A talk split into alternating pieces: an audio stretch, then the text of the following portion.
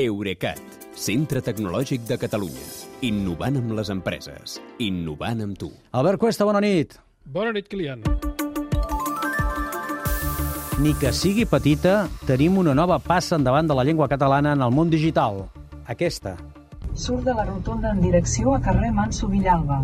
Això és el navegador GPS d'un cotxe, entenc que del teu, perquè està sortint del teu poble cap a l'autopista, em sembla. Sí, per ser exactes, és el Google Maps del meu telèfon mòbil Samsung sortint per la pantalla i pels altaveus del meu cotxe amb la funció Android Auto.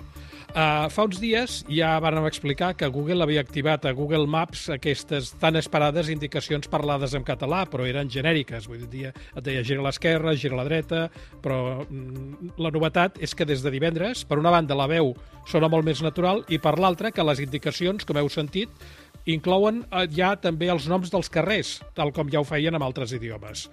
Eh, també et dic que ara el que passarà és que hi començarem a trobar errors de toponímia amb noms antics de carrers i de municipis, però l'important és que anem, que anem progressant. Eh, pel que hem vist, les indicacions completes de veu funcionen en mòbils Android, sempre que sigui la versió 13 del sistema operatiu, l'actual, i també els iPhones amb sistema iOS 16, i tant amb Android Auto com amb Apple CarPlay. Així doncs, eh, els usuaris que tenien configurat el telèfon en anglès o en castellà per poder tenir indicacions parlades completes a Google Maps, ja poden configurar l'aparell en català.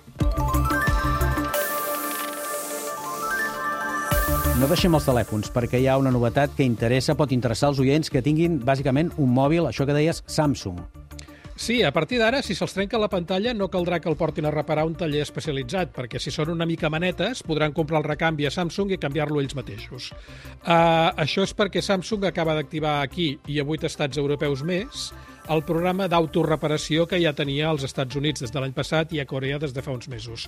Uh, està disponible pels models Galaxy S20, S21 i S22, recordem que ara van per l'S23, i es, es podran canviar la pantalla del telèfon, el vidre del darrere de l'aparell i els ports de càrrega si és que es fan malbé.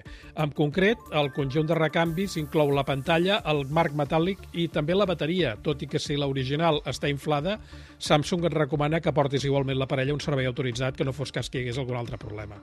El kit de reparació també conté les eines i les instruccions per fer-la. Eh, la marca assegura que més endavant ampliarà el programa d'autoreparació a altres models d'aparells. Potser el que importa més és que un mòbil que es repara és un mòbil menys que es llença i això diríem I que afavoreix la, suste, la famosa sostenibilitat. Sí, que en el cas de l'electrònica és, uh, és molt desitjada, és molt important. Sí, és poc sostenible de moment. Va, que vagi bé, gràcies. Bona nit, Kilian, i per molts anys, eh? Moltes gràcies, la part que toca també. D'acord.